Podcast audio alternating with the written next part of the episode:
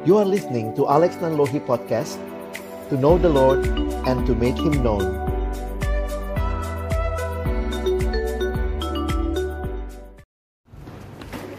Mari kita berdoa sebelum membaca merenungkan firman Tuhan. Bapa di dalam surga kami datang dalam ucapan syukur malam hari ini karena sungguh Tuhan Engkau baik dan Engkau menyatakan kebaikan-Mu di dalam hidup kami. Terima kasih Tuhan karena Engkau memilih kami juga terlibat di dalam pelayanan milik-Mu ya Tuhan. Malam ini sama-sama kami akan membuka firman-Mu. Kami mohon bukalah juga hati kami. Jadikanlah hati kami seperti tanah yang baik. Supaya ketika benih firman Tuhan ditaburkan. Itu boleh sungguh-sungguh berakar, bertumbuh. Dan juga berbuah nyata di dalam hidup kami. Kami percaya firman-Mu adalah firman yang tidak berubah. Tapi firman yang kami yakin dapat mengubah hidup kami. Firman-Mu firman yang kudus dan yang menguduskan kehidupan kami. Biarlah itu yang menjadi bagian setiap kami yang hadir malam hari ini. Kami bersyukur menyerahkan pemberitaan firman-Mu dalam nama Tuhan Yesus Kristus kami berdoa. Amin. Shalom. Selamat malam Bapak Ibu Saudara yang dikasihi Tuhan Yesus Kristus. Malam hari ini sama-sama kita akan merenungkan tema yang diberikan tentang pergumulan seorang pelayan. Saya pikir di tengah-tengah pelayanan selalu ada pergumulan. Karena Tuhan mengizinkan kita melayani Dia, melayani sesama, dan kita masuk juga di dalam berbagai konteks pergumulan. Nah, kita akan melihat malam hari ini dari satu bagian firman Tuhan. Saya mengajak kita membuka satu Tesalonika. Saya ingin mengajak kita membaca lebih dahulu satu Tesalonika pasal yang pertama. Kita akan lihat ayat yang kedua sampai dengan ayat yang kelima. Satu Tesalonika pasal pertama ayat yang kedua sampai dengan ayat yang kelima. Mari kita membaca bagian ini bergantian. Saya mulai baca ayat 2, mohon Bapak Ibu Saudara baca ayat yang ketiga, kita bergantian sampai dengan ayatnya yang kelima. Kami selalu mengucap syukur kepada Allah karena kamu semua dan menyebut kamu dalam doa kami.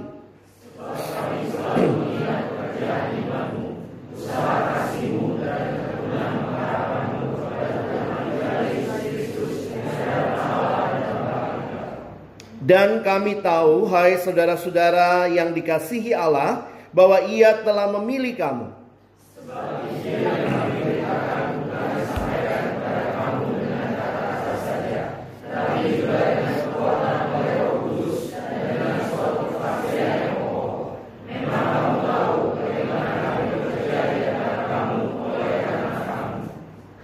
Saudara yang dikasihi Tuhan, jemaat Filipi didirikan melalui pelayanan Rasul Paulus yang waktu itu melayani ke sana di dalam pelayanan misi Paulus yang kedua. Apa hal yang menarik yang kita perhatikan bagaimana waktu yang sebegitu singkat. Kalau kita baca kisah Rasul 17 dikatakan mungkin Paulus hanya ada di sana kurang lebih tiga minggu atau tiga hari sabat berturut-turut. Tapi apa yang luar biasa saudara? Bagaimana Injil yang ditaburkan itu. Dengan kuasa roh kudus yang bekerja membawa jemaat Filipi. Nah, jemaat Tesalonika maksud saya adalah jemaat yang luar biasa. Saudara dalam banyak surat Paulus dia biasanya mengucap syukur. Salah satunya dalam bagian ini perhatikan ucapan syukur karena ada jemaat yang luar biasa. Saya pikir kalau saudara melayani salah satu sukacita terbesar melihat orang yang dilayani mengalami pertumbuhan, perubahan. Nah, saudara lihat sebentar, ada tiga hal yang Paulus puji dari jemaat ini di ayat yang ketiga. Ini triloginya Paulus biasanya, Petrus juga demikian. Mengingat pekerjaan imanmu, usaha kasihmu, dan ketekunan pengharapanmu. Wow, kalau punya jemaat model gini aman ya, hamba Tuhannya juga bisa lebih santai ya. Karena sudah punya pekerjaan iman, usaha kasih, dan ketekunan pengharapan. Inilah jemaat teladan, kalau boleh kita katakan demikian. Jemaat yang pada akhirnya kalau kita baca ayat ke bawah iman mereka bergema bukan hanya di satu kota, tapi di provinsi bahkan sampai ke seluruh dunia. Tapi pertanyaannya begini saudara. Bagaimana jemaat teladan seperti ini bisa berdiri? Tentu kita bicara ada kuasa Allah, Roh Kudus. Perhatikan ayat 5 tadi. Dengan kekuatan oleh Roh Kudus. Tetapi Roh Kudus memakai pelayan-pelayan Tuhan.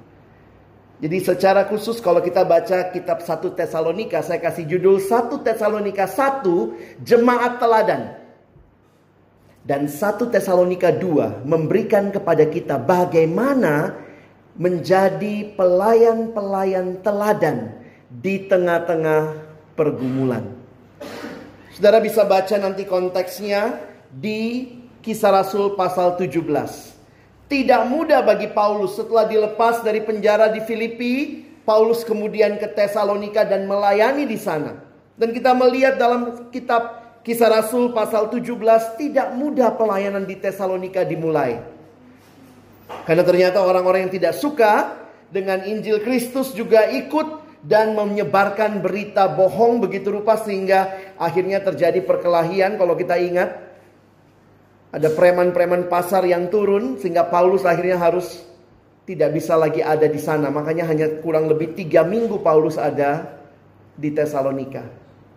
Nah saudara, saya ingin mengajak kita malam hari ini memikirkan tiga hal saja.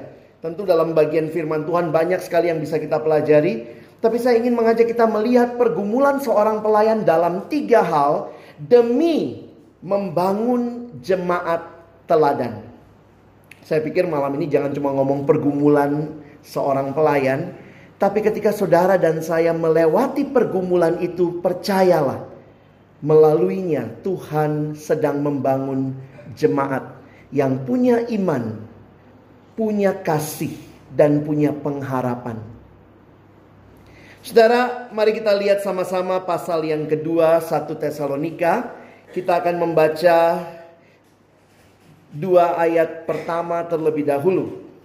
Mari saudara kita baca dua ayat pertama terlebih dahulu. Setelah saya baca judulnya, mohon saudara membacanya. Satu, dua, uh, pelayanan Paulus di Tesalonika. Silakan.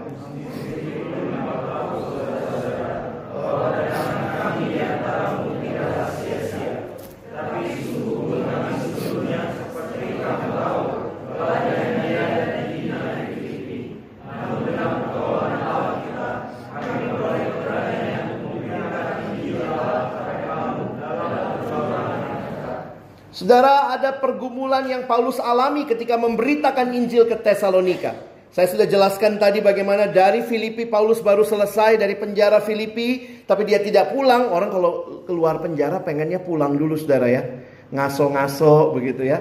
Dan kalau kita ingat bahwa Paulus masuk penjara di Filipi itu memang cuma satu malam, tetapi kalau saudara perhatikan Paulus di mengalami dicambuk. Sehingga bayangan saya bahkan luka cambuknya aja belum sembuh. Karena kita lihat waktu dia keluar lalu kepala penjara itu membasuh bilur-bilurnya Paulus. Luka itu belum sembuh, Paulus dan timnya sudah pergi lagi ke Tesalonika. Kisah Rasul 16 mereka ada di Filipi. Di Filipi mereka masuk penjara karena memberitakan Injil. Lalu pergi ke Tesalonika, ngapain saudara? Beritain Injil lagi.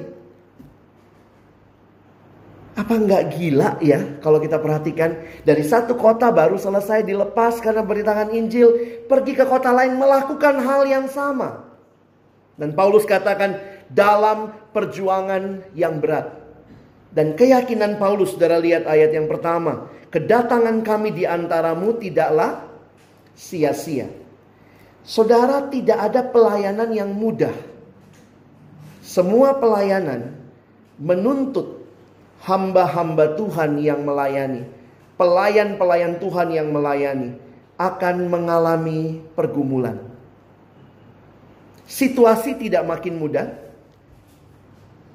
Bahkan di tengah-tengah situasi yang nyaman pun kita harus menyadari bahwa ada juga jebakan-jebakan di situ dalam kenyamanan yang mungkin ada. Orang suka bilang jangan cuma main di comfort zone. Tapi bisa jadi tantangan dari luar yang berat atau kenyamanan yang dimiliki semua punya tantangannya sendiri. Dan pertanyaannya bagi kita pelayan-pelayan Tuhan, bagaimana kita bisa bertahan di dalam situasi yang tidak mudah? Melihat yang dilayani, mungkin pada waktu itu belum mengalami pertumbuhan apa-apa. Melihat realita pelayanan, ditekan dari luar, mungkin juga dari dalam, dan itu yang dialami. Tapi Paulus punya keyakinan yang kita lihat tadi ya. Dia berkata, "Kami beroleh keberanian untuk memberitakan Injil Allah kepada kamu." Pertanyaannya dari siapa Paulus beroleh keberanian? Saya mau kita melihat pelayanan malam ini dalam tiga relasi. Pertama, relasi dengan Allah. Pergumulan boleh ada, Bapak Ibu, tapi saya tidak mau bicara pergumulannya saja malam ini. Saya mau kita melihat bagaimana bertahan dalam pergumulan itu. Pertama, pentingnya relasi dengan Tuhan yang memberikan kita visi. Mungkin kalau pakai bahasa pelayanan itu ya ada keyakinan yang kokoh bahwa ladang yang sulit, pintu-pintu yang belum terbuka, bukan berarti Tuhan mau kita selesai angkat tangan dan mundur.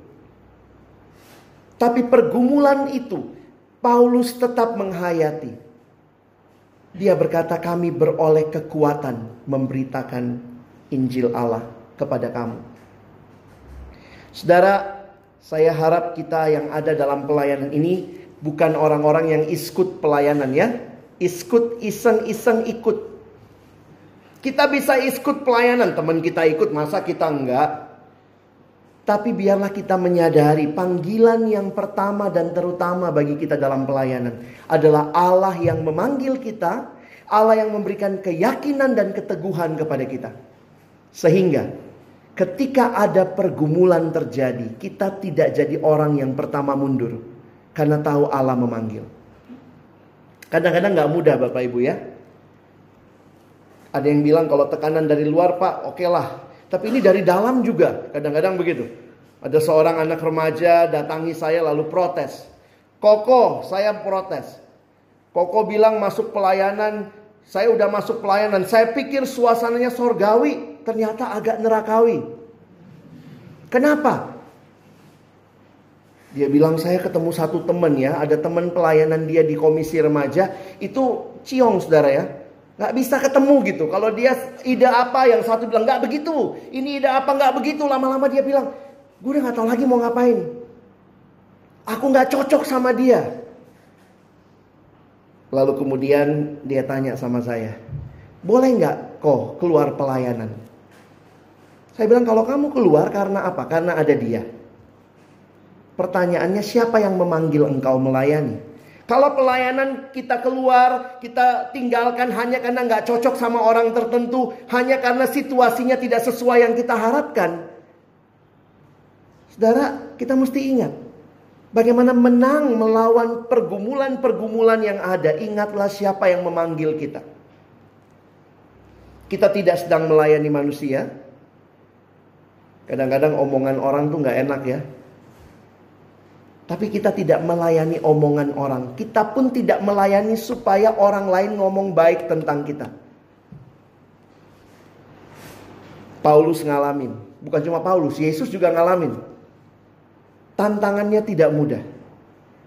Tapi karena tahu Allah yang memanggil, maka visi ini menolong untuk terus memberitakan Injil. Kadang-kadang kalau kita lihat ya, ada ya Bapak Ibu di sini yang sudah cukup lanjut usia, harusnya kan pensiun aja gitu ya. Tapi enggak, terus melayani. Kenapa? Saya pikir karena kita semua menyadari ini panggilan Allah. Di dalam pelayanan Tuhan sebenarnya tidak ada usia pensiun. Kita bisa kurangi pelayanan tapi mungkin bukan pensiun. Kalaupun sudah tidak bisa ngapa-ngapain lagi di rumah bisa berdoa itu pun pelayanan. Tapi ketika orang-orang yang saat ini hanya cari pelayanan supaya nyaman, supaya enak, namanya dipuja-puji, maka ketika kita tidak dapat itu, kita jadi orang yang pertama kali mundur. Tuhan Yesus pernah bilang kepada muridnya, Farisi itu kan katanya nyari pujian. Jadi kalau mereka pelayanan untuk dapat pujian. Nah begitu dapat pujian, Yesus katakan apa? Mereka sudah dapat upahnya. Saudara pelayanan untuk apa? Paulus pelayanan dalam pergumulan yang berat. Kalau ber, bi, kalau kita bicara lihat berapa yang bertobat, coba nanti baca kisah Rasul 17, itu mah sedikit banget saudara. Ada beberapa orang yang menggabungkan diri tapi kemudian Paulus harus pergi ke tempat yang lain. Apa yang membuat dia terus melayani? Pergumulan tidak menghentikan pelayanan Paulus karena Paulus dipanggil oleh Allah dan dia melayani Allah. Ini yang pertama. Relasi pelayan Tuhan dengan Tuhan yang memanggil dia. Yang kedua, saudara perhatikan di dalam ayat yang ketiga, sampai ayat yang ke-6. Mari kita lihat sebentar ayat ini. Ayat 3 sampai ayat yang ke-6. Mari kita baca bergantian. Saya mulai ayat 3, saudara ayat 4 sampai ayat 6 kita bergantian. Sebab nasihat kami tidak lahir dari kesesatan atau dari maksud yang tidak murni dan juga tidak disertai tipu daya.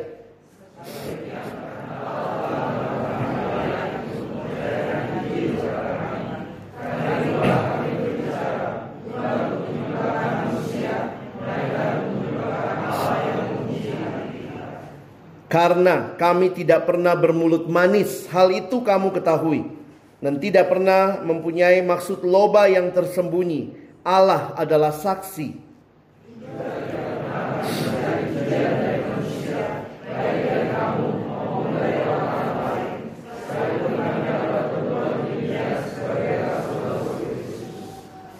Saudara yang pertama tadi hubungan dengan Allah bicara visi.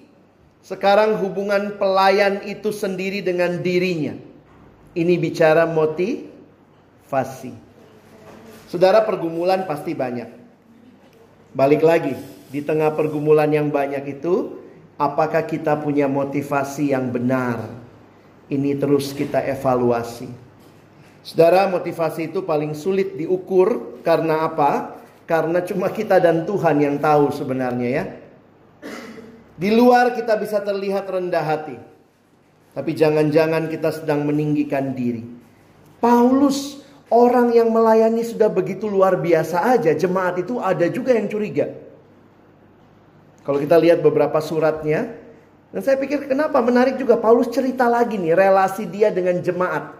Dan Paulus bahkan berkata kamu adalah saksi. Tapi kalimat yang lebih luar biasa bagi saya. Waktu Paulus bilang Allah juga adalah saksi. Kalau kamu adalah saksi, kamu bisa lihat yang saya lakukan. Bisa lihat apa kira-kira motivasi saya melakukan itu. Tapi kalau Allah adalah saksi, bahkan waktu tidak ada yang melihat, aku terbuka di hadapan Tuhan.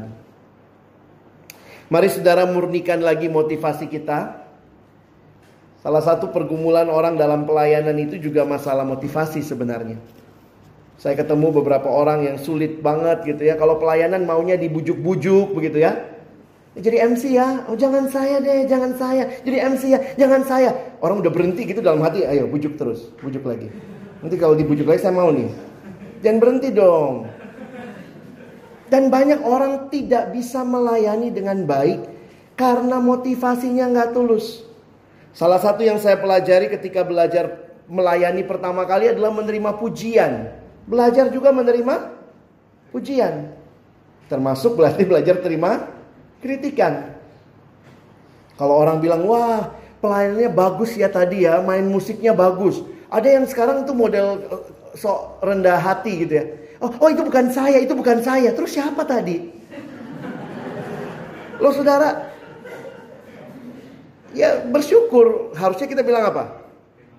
Terima kasih, puji, puji Tuhan. Sebenarnya orang yang bilang itu bukan saya, itu Tuhan. Secara tidak langsung dia bisa balik begini. Kalau tadi jelek itu bukan saya, Tuhan. Enak aja. Kalau jelek, kita mesti koreksi diri. Evaluasi diri. Tapi kalau bagus, kita yakin Tuhan pakai kekuatan kita, karunia kita, kelebihan kita. Tapi itu semua hanya anugerahnya. Karena itu segala kemuliaan bagi Tuhan. Jangan jadi orang-orang yang rendah hati, model rendah hati papan loncat saudara ya. Sok-sok merendah biar makin tinggi naiknya. Jadi belajar untuk bisa menerima pujian. Saya tidak tahu pergumulan saudara apa. Apakah pergumulan kita di hadapan Tuhan? Bisa jadi masalah visi. Kuatkan itu supaya kalau ada tantangan saudara tetap maju. Atau jangan-jangan masalah saudara adalah di hadapan manusia. Pas dilihat orangnya. Ketika jemaat tidak mengucapkan terima kasih. Ketika orang tidak lihat apa yang kita lakukan. Lalu muncullah kata-kata yang secara tidak sadar kita keluarkan. Kalau nggak ada saya nggak jalan semua ini. Puji saya, haleluya. Puji diri, haleluya.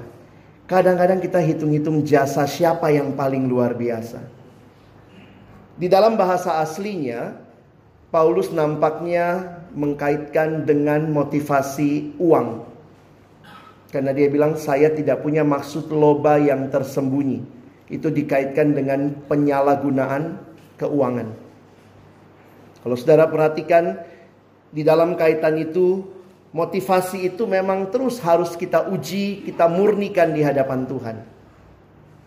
Relasi dengan Allah, masalah visi relasi dengan sesama waktu kita melayani itu uh, sorry dengan diri sendiri itu bicara motivasi. Dan hal terakhir adalah relasi dengan orang yang kita layani. Itu juga bisa bikin pergumulan ya. Ada bapak ibu pelayanan terus orangnya nggak berubah-berubah, tambah malah tambah jelek begitu ya. Kadang-kadang kita rasanya, eh, uh, pengennya kita maunya tuh cepat berubahnya gitu ya. Ada orang yang maunya kalau pelayanan tuh empang, enak dan gampang. Kayak anak SMA sekarang tuh, saya kalau layani remaja gitu ya. Maunya empang. Belajar aja pakai sistem ekonomi. Belajar sesedikit-sedikitnya nilai setinggi-tingginya. Gimana cara? Ada lagi yang nanya sama saya, kok uh, kerja apa ya yang kerjanya gampang, uangnya banyak? Rampok, rampok. Maunya yang gampang. Ini generasi yang instan dan sering kali dalam pelayanan pun kita tidak sabar menunggu waktu Tuhan. Kenapa? Kayaknya kok lama banget. Pos ini dibuka dari dulu sampai sekarang tidak ada pertumbuhan, tidak ada perkembangan. Apakah betul langkah kita? Seringkali memang kita harus bergumul di hadapan Tuhan. Tapi pertanyaannya, Bagaimana bertahan dalam situasi seperti itu? Paulus memberikan gambaran yang menarik. Kita lihat ayat 7 sampai selesai ayat 12. Mari kita baca bergantian kembali. Tetapi kami berlaku ramah di antara kamu seperti seorang ibu mengasuh dan merawati anaknya.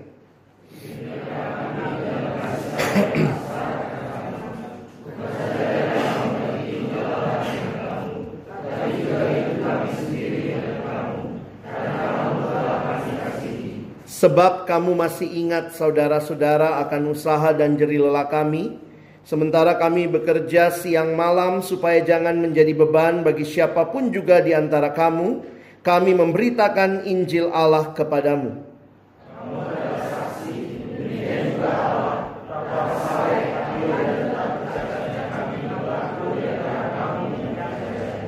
Kamu tahu betapa kami seperti bapa terhadap anak-anaknya telah menasehati kamu dan menguatkan hatimu seorang demi seorang.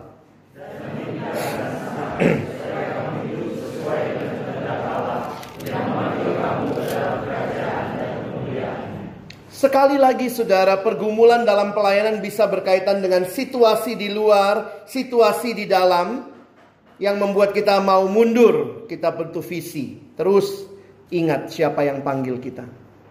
Pergumulan pelayanan bisa berkaitan dengan motivasi. Rasanya mau tampil, selalu cari panggung, tapi apakah itu melayani Tuhan? Ini bicara tentang motivasi yang harus terus dimurnikan. Bukan hanya di hadapan manusia, Paulus bilang di hadapan Allah. Dan yang ketiga, pergumulan pelayanan berkaitan dengan orang yang dilayani, saudara. Bapak Ibu yang pelayanan buat remaja mungkin ada pergumulannya remaja. Ada pergumulannya pemuda, ada pergumulannya anak sekolah minggu, ada pergumulannya orang lanjut usia, usia indah, usia emas, apa pun usianya begitu ya. Setiap usia punya pergumulannya sendiri. Tapi Paulus menyaksikan di tengah-tengah tantangan pelayanan yang pasti tidak mudah, Paulus menjadi ayah dan ibu.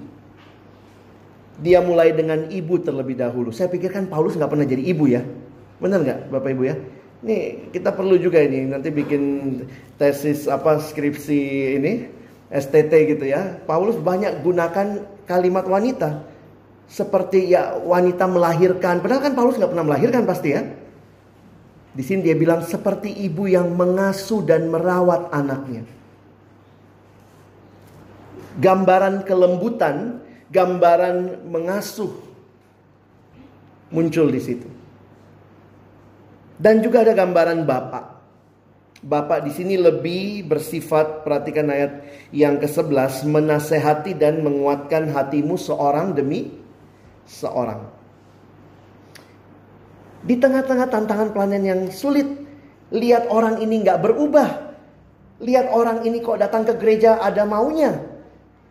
Apakah kita masih jadi bapak dan ibu bagi mereka? Memang dalam masyarakat Yahudi, tradisi mereka sebenarnya ibu itu bagian ngasih makan, merawat. Bagian ngajar itu bapak.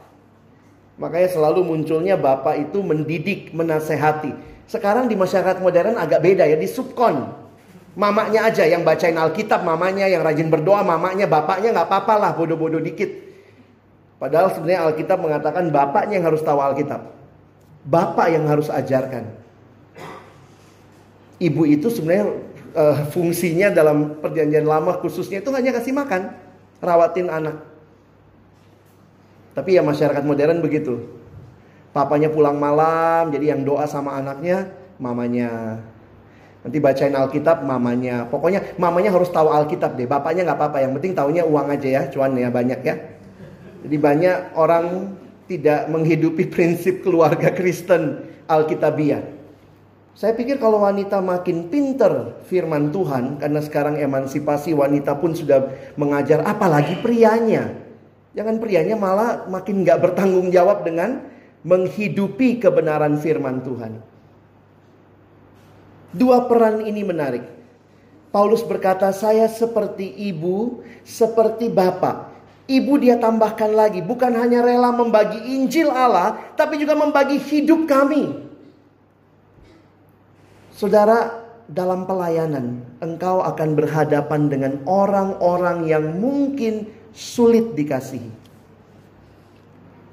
Satu gereja banyak program sosialnya. Akhirnya gereja ini gereja orang kaya. Beberapa pemilik perusahaan besar di Jakarta ke gereja itu tapi karena banyak proyek sosialnya, akhirnya banyak pemulung datang ke gereja itu. Karena nggak bisa ditolak, mereka mau datang. Beberapa pemulung datang dengan kantong sampah uh, kresek begitu ya. Dan waktu itu saya dengar ada pergumulan bahwa salah satu pemulung itu nggak pernah mandi, bau banget. Itu harus ada di dalam jemaat. Terus ketahuan banget, datangnya cuman minta sesuatu. Di tengah-tengah diskusi perdebatan, ada yang bilang harusnya kita begini, harusnya kita begitu dan seterusnya. Tapi saya mau berikan prinsip ini lagi buat kita. Apakah kita jadi ibu, jadi ayah? Kalau terus dikasihani, manja. Tapi kalau terlalu tegas, terlalu keras, mungkin kita kehilangan dia. Sehingga harus ada kombinasi ini ya. Nah, Bapak Ibu yang mungkin lagi berhadapan dengan orang ya, ini sama kayak besarin anak ya, Bapak Ibu yang punya anak ya.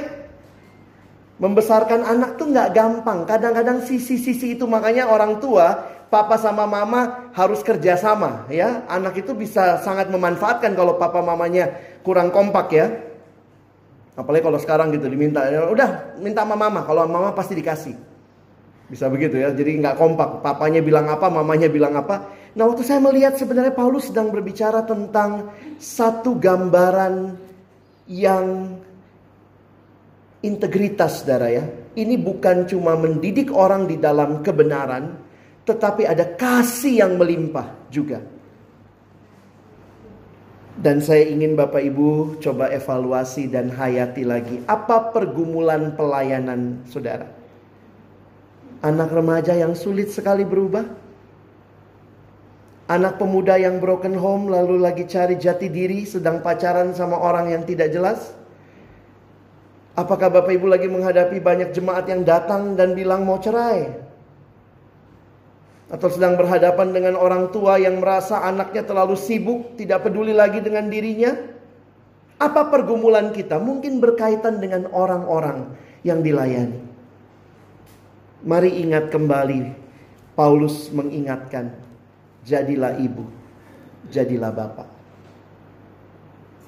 Ada satu cerita yang saya dengar dari kesaksian teman saya tentang bagaimana jadi ibu dan jadi bapak mereka punya anak lahir prematur 8 bulan.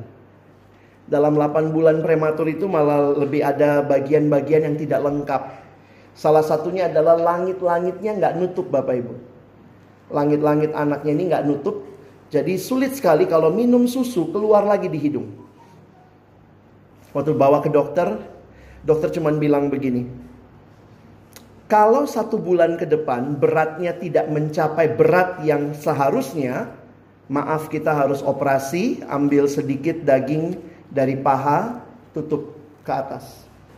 Tapi anak bayi satu bulan itu dioperasi rasanya sedih banget ya. Sehingga apa yang dilakukan teman saya suami istri ini berjuang begitu rupa supaya anaknya minum susu nggak tumpah. Dan waktu mereka cerita perjuangannya. Kadang-kadang kak kami balik. Susunya akhirnya dari mamanya dikeluarkan ke botol dulu. Kita balik anaknya atau ada posisi yang dicari begitu rupa. Supaya anaknya mencapai berat itu. Dan ternyata di bulan berikutnya mencapai beratnya. Jadi waktu dengar akhirnya nggak usah dioperasi karena dokter bilang kalau beratnya nambah terus akan otomatis nutup sendiri. Tapi waktu saya mendengar pergumulan mereka, jadi bapak dan ibu, banyak orang cuma mau melayani, pengen lihat orang berubah, tapi tidak mau ikuti prosesnya. Dan ini pergumulan pelayan juga. Ada seorang di dalam pelayanan kampus dia tanya sama saya, "Kak, saya mau tolong adik saya bisa baca Alkitab." Setiap minggu datang kelompok kecil, KTB, dikasih tahu baca Alkitab ya. Dia nggak baca-baca juga. Terus saya bilang, lalu apa yang kau lakukan? Akhirnya dia bilang, dia udah bowat juga sama anak ini ya. Dia kakak rohani mau bimbing adik ini baca Alkitab. Dia tanya sama adik ini. Kamu bangun jam berapa pagi-pagi? Oh saya bangun biasa jam 6 kak. Sibuk banget ya nggak sempat baca Alkitab. Iya sih kak begini begini begini. Akhirnya kemudian dia bilang begini. Oke, okay, Besok jam 6 saya datang ke kosan kamu, kita baca Alkitab sama-sama. Waktu saya dengar dia memberi kesaksian seperti itu, saya pikir iya ya. Banyak orang gampang ngasih tahu, harus ya, harus ya, lakukan ini ya, lakukan itu. Tapi maukah kita terlibat dengan hidup orang-orang yang kita layani? Gereja dipanggil Tuhan untuk membangun jemaat teladan yang punya iman, punya kasih, punya pengharapan. Tapi pertanyaannya, adakah pelayan-pelayan yang terus punya visi, terus jaga motivasi, dan terus punya strategi menjangkau yang seperti ibu dan seperti ayah?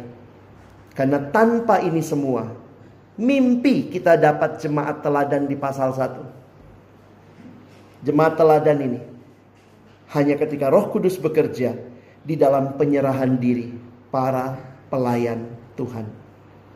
Malam ini semua kita punya pergumulan. Tapi ingat kembali, Tuhan kuatkan kita supaya akhirnya kita bertumbuh. Orang yang kita layani juga bertumbuh. Amin. Mari kita berdoa. Bapa di dalam surga terima kasih banyak untuk firman-Mu. Sekali lagi kami mohon Tuhan tolong kami. Agar kami bukan hanya menjadi pendengar-pendengar firman yang setia. Tapi mampukan kami jadi pelaku-pelaku firman-Mu. Kami punya pergumulan tidak mudah. Seringkali kami mau mundur Tuhan. Seringkali kami belum lihat buah yang kami harapkan. Seringkali kami bahkan tidak melihat perubahan Seringkali hati kami begitu egois. Tapi malam ini terima kasih. Tuhan ingatkan kami kembali. Berikan kami visimu. Berikan kami kemurnian hati dalam motivasi melayanimu. Dan berikan kami kesungguhan jadi ibu dan bapak yang bukan hanya menyuruh orang untuk berubah, tapi rela memberi diri terlibat dalam proses perubahan itu. Terima kasih Tuhan, kami sekali lagi bersyukur. Di dalam nama Tuhan Yesus kami berdoa. Amin.